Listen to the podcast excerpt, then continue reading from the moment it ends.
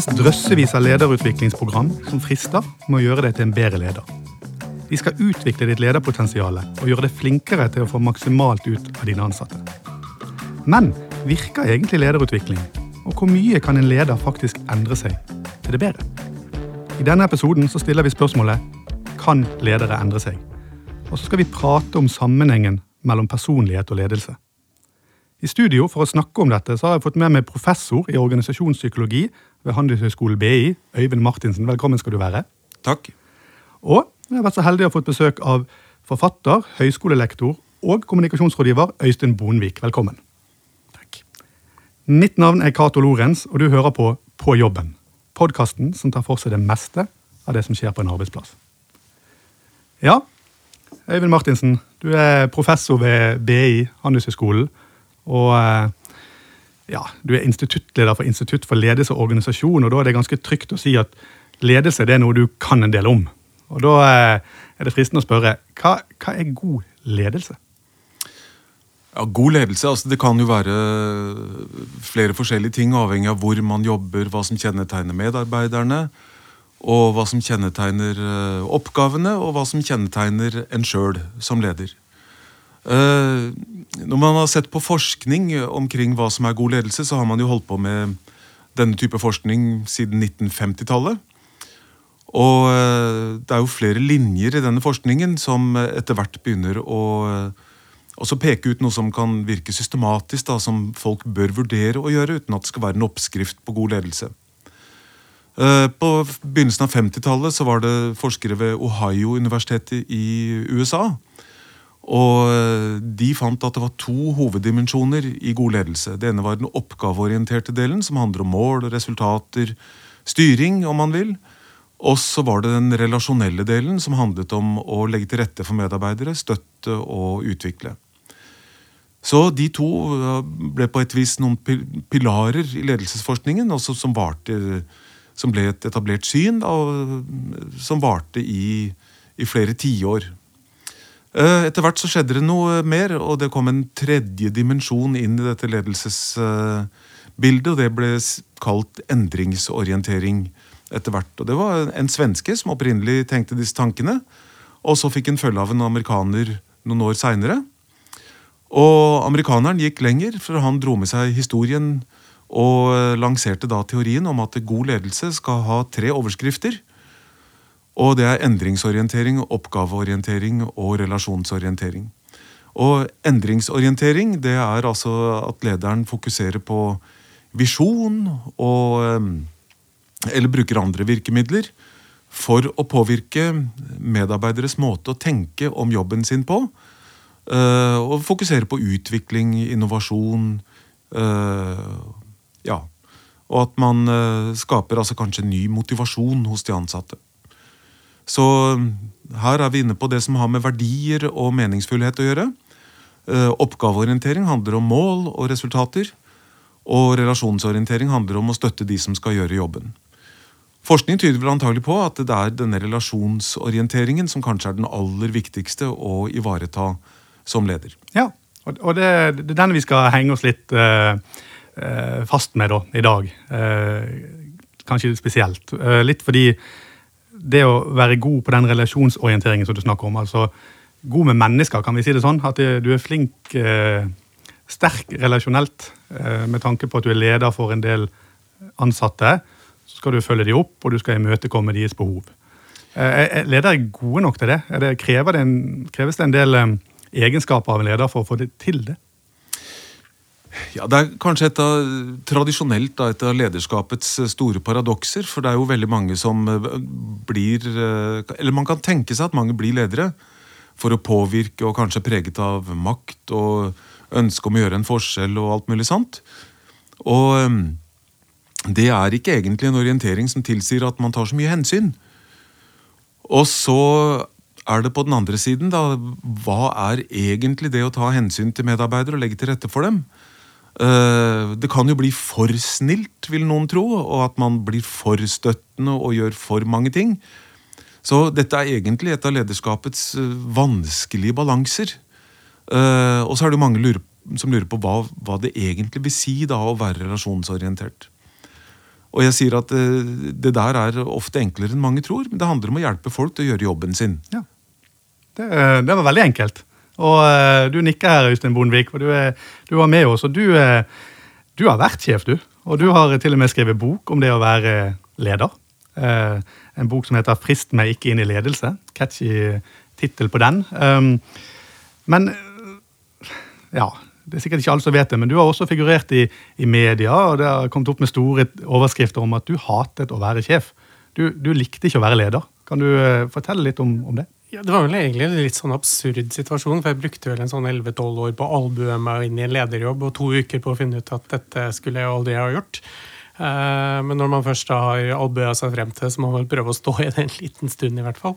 Uh, men opplevde nok veldig fort at det som jeg forventet at lederjobben skulle være, sett opp mot hva spesielt da de ansatte forventet av meg, eh, det var en ganske alvorlig mismatch, eller dissonans, eller hva man kan velge å kalle det. Ja, For det, for det var et sjokk for deg, eh, har jeg skjønt, og hvor mye det krevde å være leder?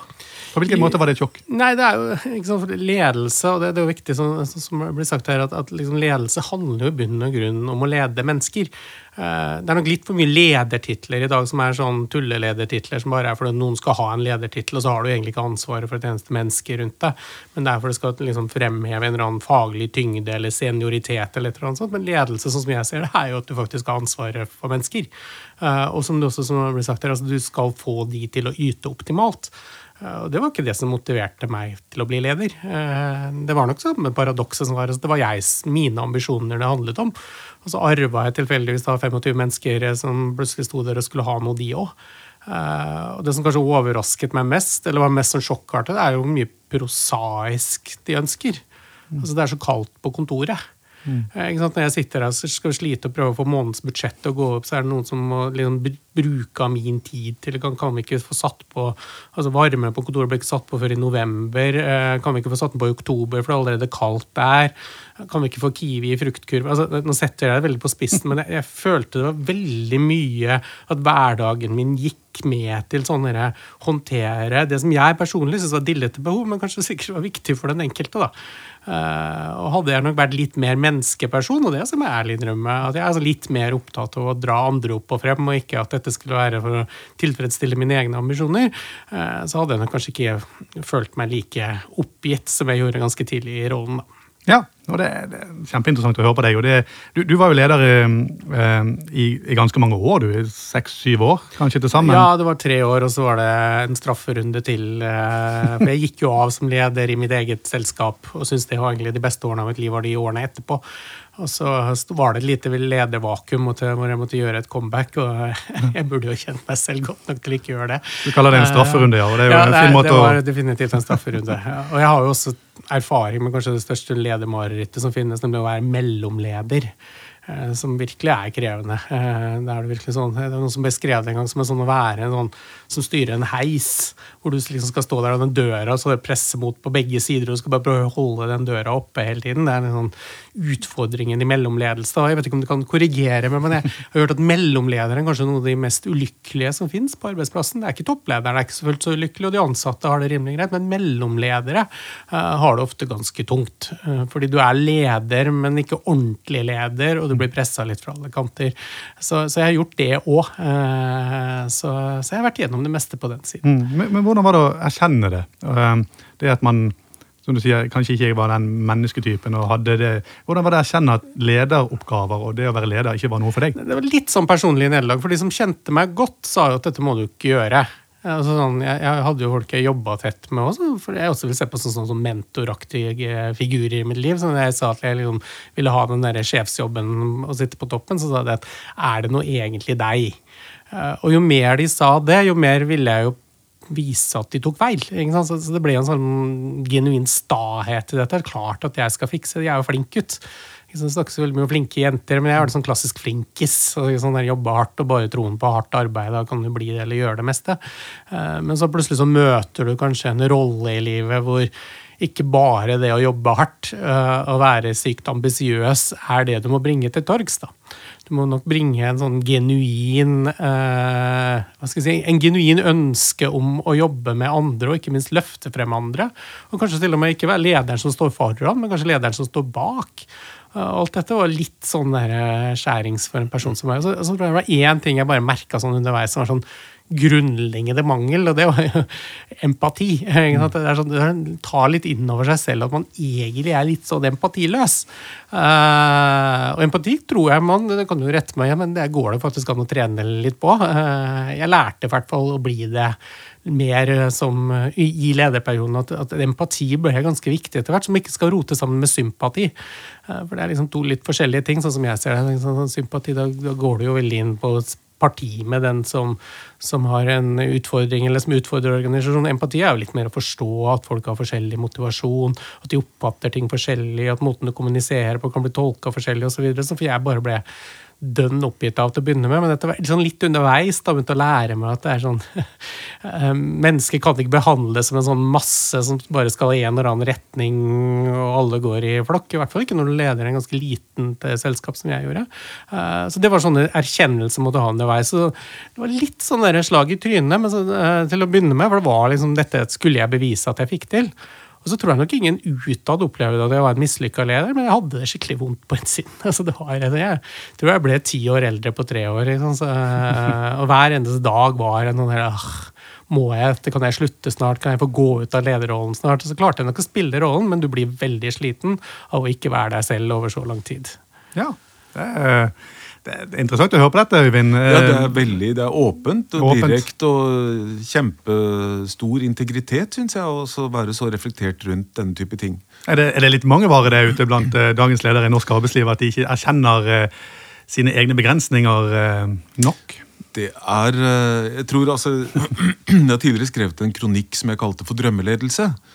Og det handler om ledergrupper grupper eller mm, personer som er ledere, og som har svære ambisjoner og ønsker å oppnå noe. Og eh, sånn sett så kan man si at mange ledere vil ha en visjon, sant? I have a dream-type tankegang om fremtiden. Og så, så, glemmer man at det der er, det er liksom bare starten på noe. Det må faktisk følges opp. Og man må legge til rette for de som skal gjøre jobben. Man må ha administrativt apparat.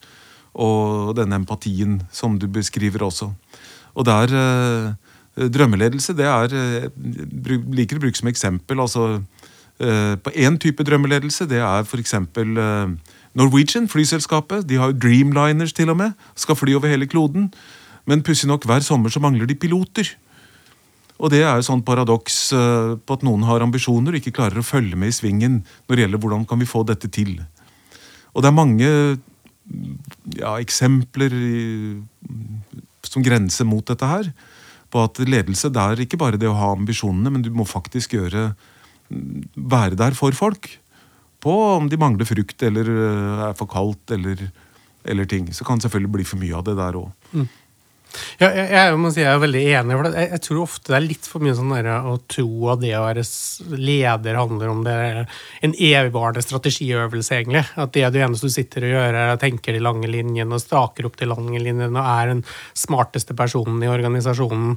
Uh, og så skal alt rundt deg egentlig bare skje. Uh, og jeg har jo opplevd at det er ikke så veldig vanskelig å kommunisere strategi til en organisasjon, og til og med få folk til å nikke litt anerkjennende og si at uh, dette høres så spennende ut.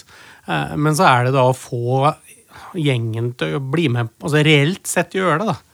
Det er gjerne sånn derre Alle vil ha endring, men ingen vil endre seg. Mm. Det er litt den der eh, følelsen, men Nå har jeg jo sagt at vi skal sånn og vi skal bort denne veien og dette, og alle er liksom litt å applaudere, og, og du føler de er med på noe, men så går du tilbake i hverdagen igjen. Uh, og da er nok også enkeltmennesker i organisasjonen Jeg tror det er en misforståelse å tro at alle i en organisasjon bare tenker på hele organisasjonen og setter seg selv i, i bak, som baksete. De aller fleste tenker nok først og fremst på seg selv og sitt.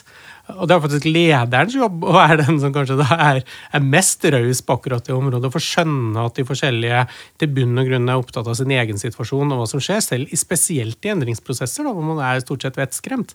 Uh, og tar seg tid, veldig mye tid av og til, med enkeltpersoner som må følges opp og forklares. Og du må sannsynligvis ha et par runder til og et par runder til før det sitter.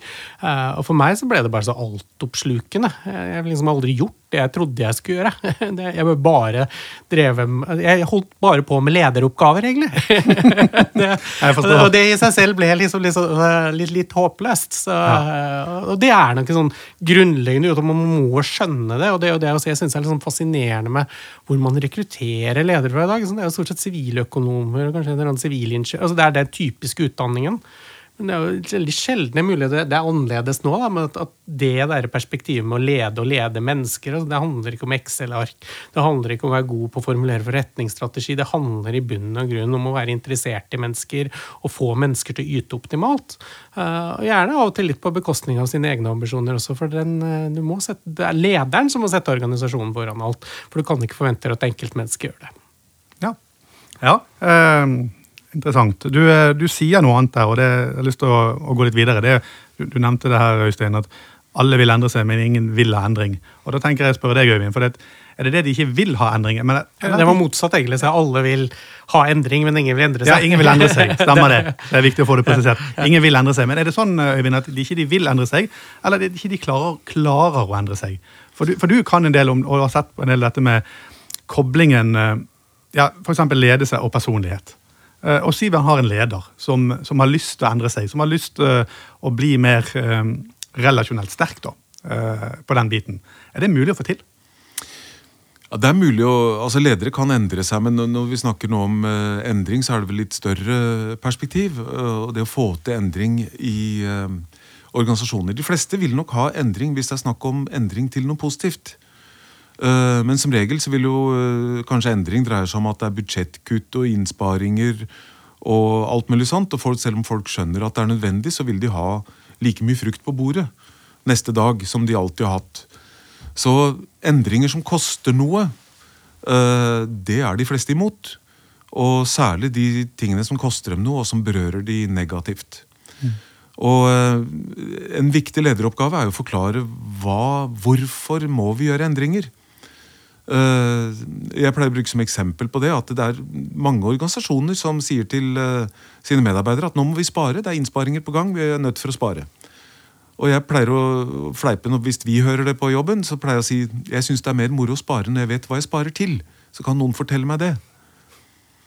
Så eh, det er ja, og, Mening er viktig for folk. Og det er liksom minimum for å få til endringer. At folk skjønner meninga med det hele, og at de ser at det er en, en slags logikk i det. Mm. Så det er eh, liksom endringsledelsen i et nøtteskall. At du må være god til å klare å forklare, begrunne, øh, uten å ljuge, hvorfor endringer er nødvendige. Mm. Det er ikke sikkert det er populært for det øh, med endringer, men det må man i hvert fall begynne med øh, som et minimum, da. Ja, og, og, det er interessant å høre. Men jeg, jeg tenker også på ta, ta, en leder da, i hvilken som helst organisasjon som, som ønsker å endre seg. Mm. Eh, som ønsker å utvikle seg og bli en bedre leder. Mm. Eh, er det mulig med tanke på det du har sett på? For du, du har ofte koblet ledelse og leders, leders atferd med personlighetstypen. Mm. Um, kan du ta oss litt mer på å forklare hvordan det er mulig at en leder kan faktisk endre seg til det bedre? Og bli sterkere på disse tingene som vi vet er viktig for en leder å være god på? Ja, Det er, det er et veldig sammensatt spørsmål. dette her, for vi, vi vet at uh, ledelse er ganske nært forbundet med ledernes personlighet. Og eh, personlighet beskriver da potensial for atferd. Og hvis man da har personlighet som ikke samsvarer nok med de oppgavene man har som leder, så kan man jo lure på er det da mulig å endre atferd når personlighet peker i en retning. Um, personlighet har man bestandig ansett for å være noe som er veldig stabilt og fast i, i livet. Uh, forskning tyder på at uh, så fort vi bikker 25, eh, eller altså mellom 20 og 30 år, så er personlighet ganske stabilt og fast i livet. Unntatt store sånne gruppeforskjeller som angår de fleste folk. Og eh, siden personlighet er så stabil gjennom mange tiår i livsløpet, så kan man tenke seg at det er ikke så lett å endre atferd heller. Fordi da personligheten er, liksom, det er noe som snakker til oss i oss om hva, hvordan vi reagerer, tenker og føler. Så personlighet beskriver typiske reaksjonsmønstre og atferdsmønstre i den enkelte eh, personen. Så hvis man da skal endre atferd, så må man lære seg å snakke til seg sjøl på en annen måte om disse tingene her. Og så må man tåle det, for at det er ikke nødvendigvis lystbetont å eh, endre atferd som strider mot egen personlighet. Det kan nok tenkes at det er noen som likevel vil ønske det. At noen er så motivert eh, av lederjobber at de er villige til å ta eh, den ubehagsprisen der og endre atferd. Særlig til å begynne med er det mye ubehag. Jeg tror jeg kan si at det er, det er mulig for mange ledere å endre seg. Men det er nok et viktig spørsmål om man vil og ønsker. Ja. Og eh, Øystein, du, eh, du, du, har jo sagt et sitat fra det jeg så på et, en artikkel om deg, at ledelse passer ikke for sånne som meg. Har du sagt. Um, og, og, og, Da tenker jeg du har gått noen runder med deg sjøl i forhold til din personlighet og hvordan den passer med med den jobben du hadde? Ja, for det er jo litt sånn, det er jo ikke, jeg, jeg, kunne jo ganske lite om ledelsesteori da jeg ble leder. Det var noe jeg begynte å se litt på i, da jeg satt i rollen, bare for å prøve å finne ut hvordan denne dissonansen mellom meg og alt som ble forventa, lå hen. Uh, og så så jeg jo veldig fort egentlig hvordan jeg kunne bli en sånn skolebokeksempel av hva en leder skulle være. da. Men det var ganske fjernt fra hvor jeg egentlig er. både hvordan, eller var. Det er både hvordan mine ambisjoner var, men også hvordan jeg er som person. Altså, jeg er jo rimelig hissig, jeg er veldig utålmodig. Uh, jeg er kanskje tidvis litt for ærlig Eller ærlig er jo ikke noe verre, men la oss si direkte, da. Så, sånn ubehagelig direkte. Uh, og har, en, en, har litt sånn problem med å pakke inn ting uh, for å få et poeng igjennom. Uh, og så kan du si at Alt det der kan nok fungere i enkelte ledersituasjoner, eller, eller hva det måtte være, at kanskje noe av det er, er egenskaper som er nødvendige, men, men, i det daglige, å lede en sånn typisk menneskebedrift som jeg gjør, uh, så skjærer det seg. Det er jo da jeg må ta jevne turer inn og lukke døra på kontoret og så kaste noen ringpermer rundt meg rett bare for å få ut aggresjonen, sånn som jeg måtte holde på med av og til. Uh, og så bare puste og så gå ut igjen. Men, og det, det, går greit en stund, men du blir veldig, veldig sliten. Det, det Martin sier her, altså, det er et eller annet sånn Vil du egentlig betale prisen for å gå så på akkord med hvem du er? Eh, for det er ingen god øvelse. Det er, det er snarveien til sykemelding og, og, slitasje og stress og alt mulig annet. Mm. Uh, men, men, men, prøvde du? Prøvde du å Jeg gikk på, leder, jeg, jeg gikk på lederkurs. Ja. Ja. Jeg skriver boka hvor jeg rømte fra det lederkurset også.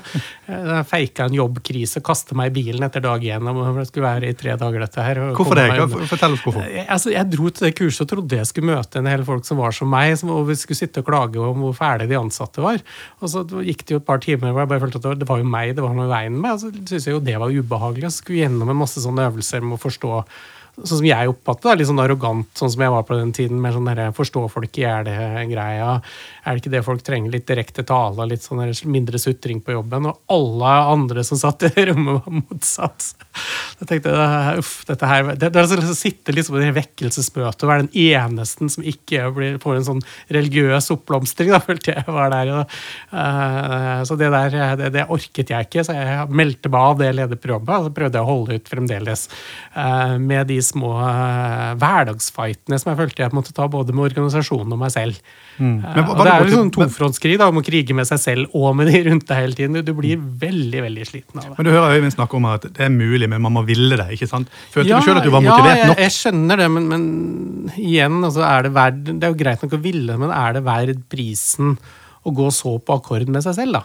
For jeg tror jo de beste lederne jeg kjenner, øh, og jeg har jo venner som er ledere, og jeg jobber med ledere, og sånt, er de som finner energi i alle disse hverdagsoppgavene og de litt større oppgavene som gjerne er utfordrende. Om det så er den ubehagelige samtalen med en ansatt, eller, eller få gjennom ganske tunge endringer, og, og faktisk genuint føle at de blir motivert av det. Eh, ikke sånn sadistisk motivert av det, men rett og slett sånn, dette er en spennende menneskeutfordring som du har lyst til å håndtere på et eller annet vis.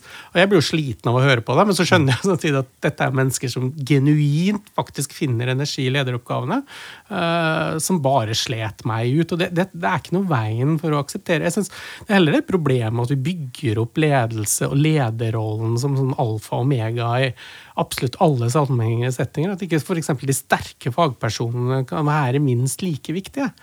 Og som du aldri bør putte inn i ledelsen, sånn som meg selv. egentlig. Hva gjør det når du får en dårlig leder og du mister en god fagperson? Det er det eneste du oppnår. Uh, akkurat det der det, det, det, skjønner jeg ikke helt hvorfor vi ikke heller får til.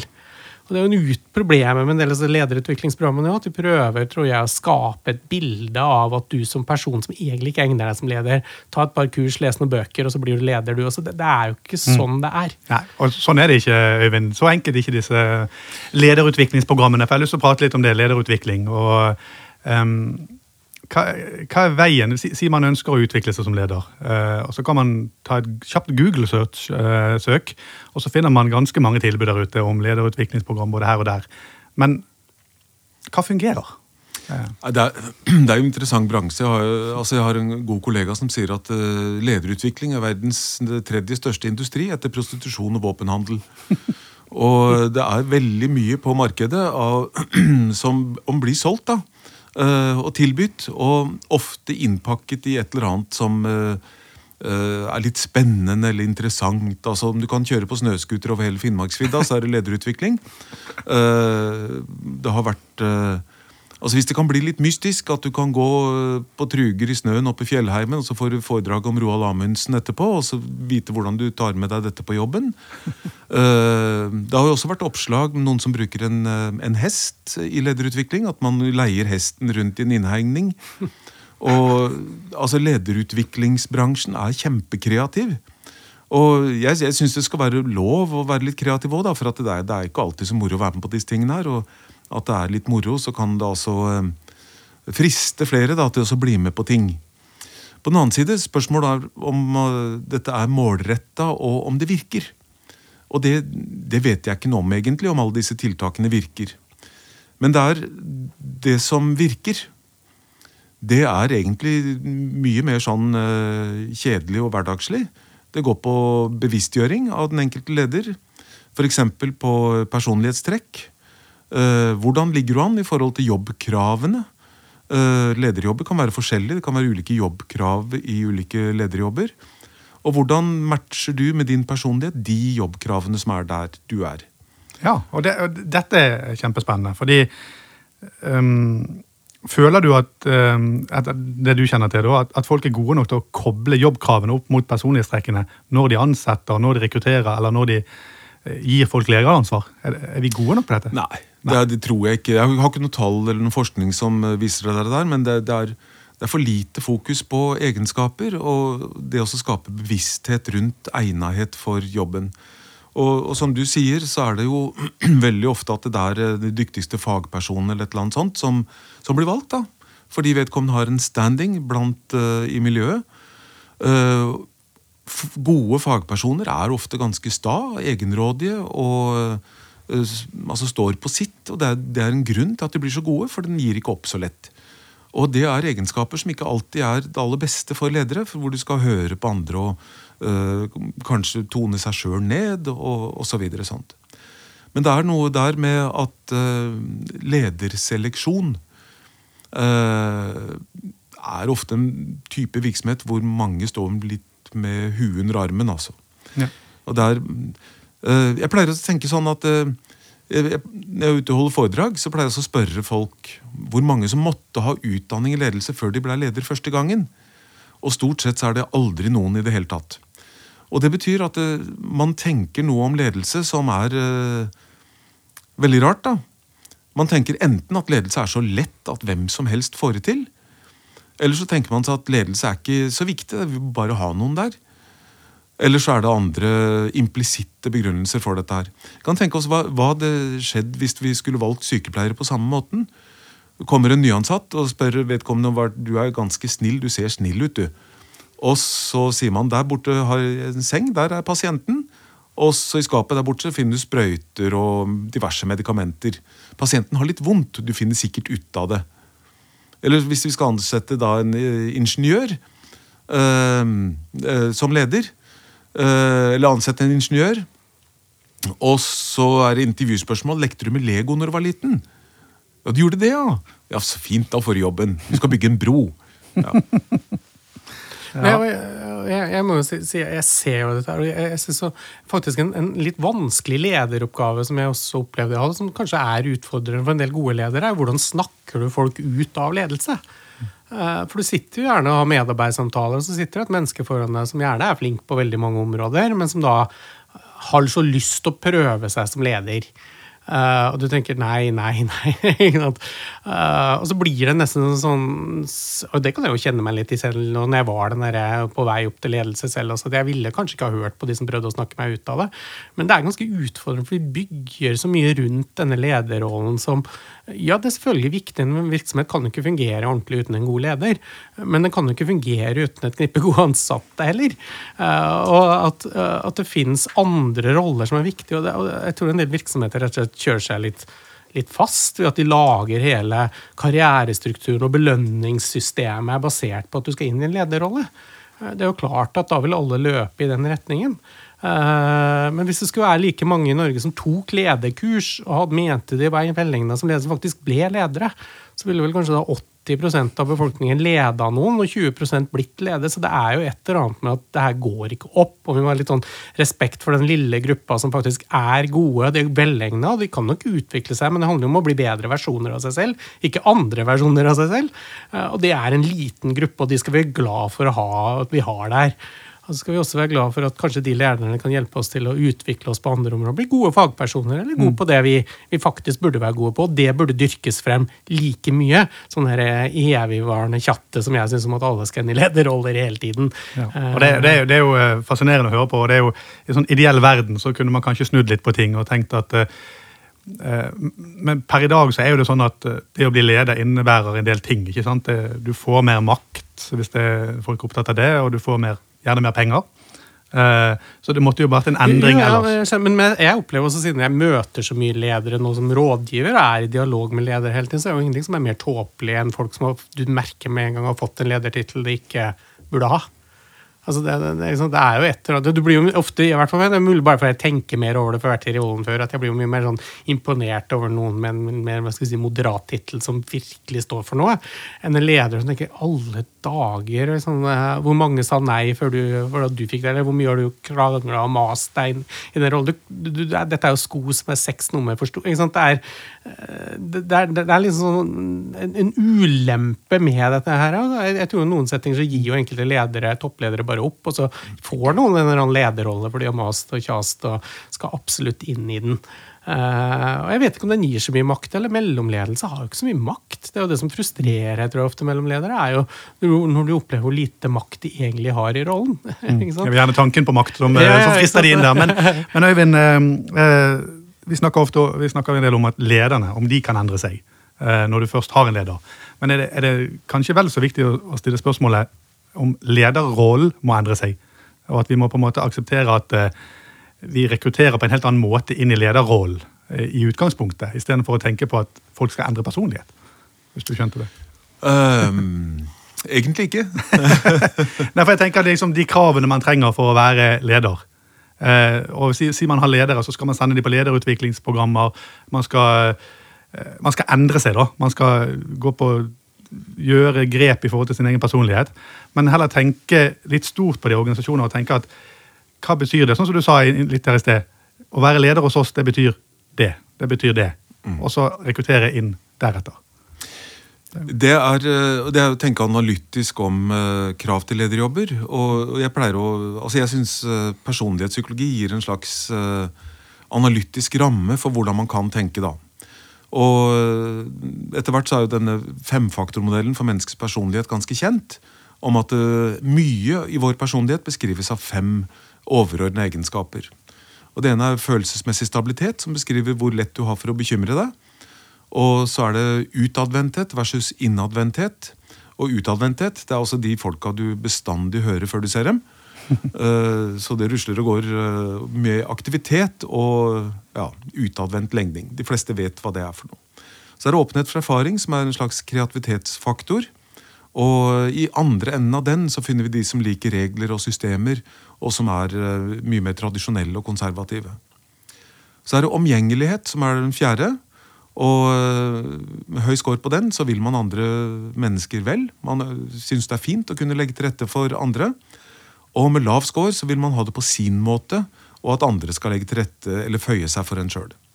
Så der er det mye mer sånn konkurranseinstinkt og tøffhet og det som du nevnte i stad, med empati.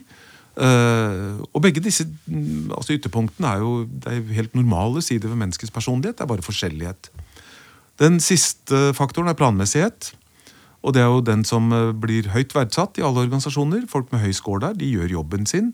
Er grundige, gjennomtenkte osv. Og, så og de med lav score, det er egentlig de folka som eh, alle disse styringssystemene er beregna på. De er mye mer tilbakelent og bryr seg ikke om tidsfrister og, og grundighet med detaljer osv. Og, så og det også er helt greit. Det er normalt. Folk er forskjellige. Mm. Og mm, hvis man skal bruke dette som et bakteppe i forhold til eh, ledelse, så er eh, kan man si at det er liksom en viss profil av disse trekkene som man ofte finner er velegnet for det å gjøre lederjobber. Det er stress forbundet med ledelse, så det å ha øh, følelsesmessig stabilitet er gunstig. Det å være utadvendt er ofte gunstig også, fordi det krever at du må prate med folk og ta initiativ og være i møter og på reise hele tiden. Og så er det dette med åpenhet for erfaring. Det handler om å se nye muligheter. Det handler om å kanskje ha sans for visjon og framtidsbilder. Men lederjobber er forskjellige, og noen lederjobber er mye mer hands on. Og det kan godt være at leder, noen lederjobber er det mer gunstig å rett og slett være konservativ, systemtro, sørge for at regler blir fulgt osv. Men stort sett så er det åpenhet for erfaringer høy score på den, sammen med ekstraversjon og følelsesmessig øh, stabilitet, er gunstig for mange lederjobber, men ikke alle. Uh, omgjengelighet er også gunstig, men mange forskere er enige om at for mye omgjengelighet det er ikke nødvendigvis gunstig. Du kan ikke være for snill som leder. Planmessighet er uh, også gunstig for ledelse, men kanskje litt mindre gunstig enn mange har trodd. Fordi hvis du er veldig planmessig, så er man målretta, grundig, gjennomtenkt. Og med veldig høy score på dette personlighetstrekket, så blir man kanskje aldri fornøyd med det som blir gjort. Og hvis man overfører det til medarbeiderne, så kan de oppleve det som mangel på tillit, og øh, at man blir fratatt selvstendighet osv. Men lederjobber er forskjellige, og derfor så er det øh, viktig at man setter seg ned sammen med noen andre for å prøve å forstå lederjobbenes krav. For da er den aktuelle lederjobben hva kjennetegner de medarbeiderne som er ansatt der, og arbeidsoppgavene, kulturen i organisasjonen, masse sånne ting, som til syvende og sist vil bestemme hvilke personlighetstrekk som kan være gunstige i forhold til en gitt lederjobb. Ja, eh, jeg må bare spørre litt nysgjerrig nå, da, fordi det sitter sikkert en del ledere, HR-medarbeidere og lytter på eh, eller, denne podkasten. Er det sånn å forstå at de i større grad burde vært brukt uh, den type personlighetstester og uh, personlighetsvurdering um, opp mot ansettelse? Det, det, er vel ikke så utbredt? er det det? Jeg, jeg, er jo av den oppfatning at man, man, burde bruke sånne verktøy, men gjerne dialogsform med den som søker jobben. Uh, jeg tror ikke man skal bruke en personlighetsprofil som en oppskrift. Veldig mange har læring, de har erfaring, de har lært noe i sine tidligere jobber. Eh, men det å få i gang dialog om hvordan folk håndterer sin personlighet, tror jeg er viktigere enn hva personlighetsprofilen sier.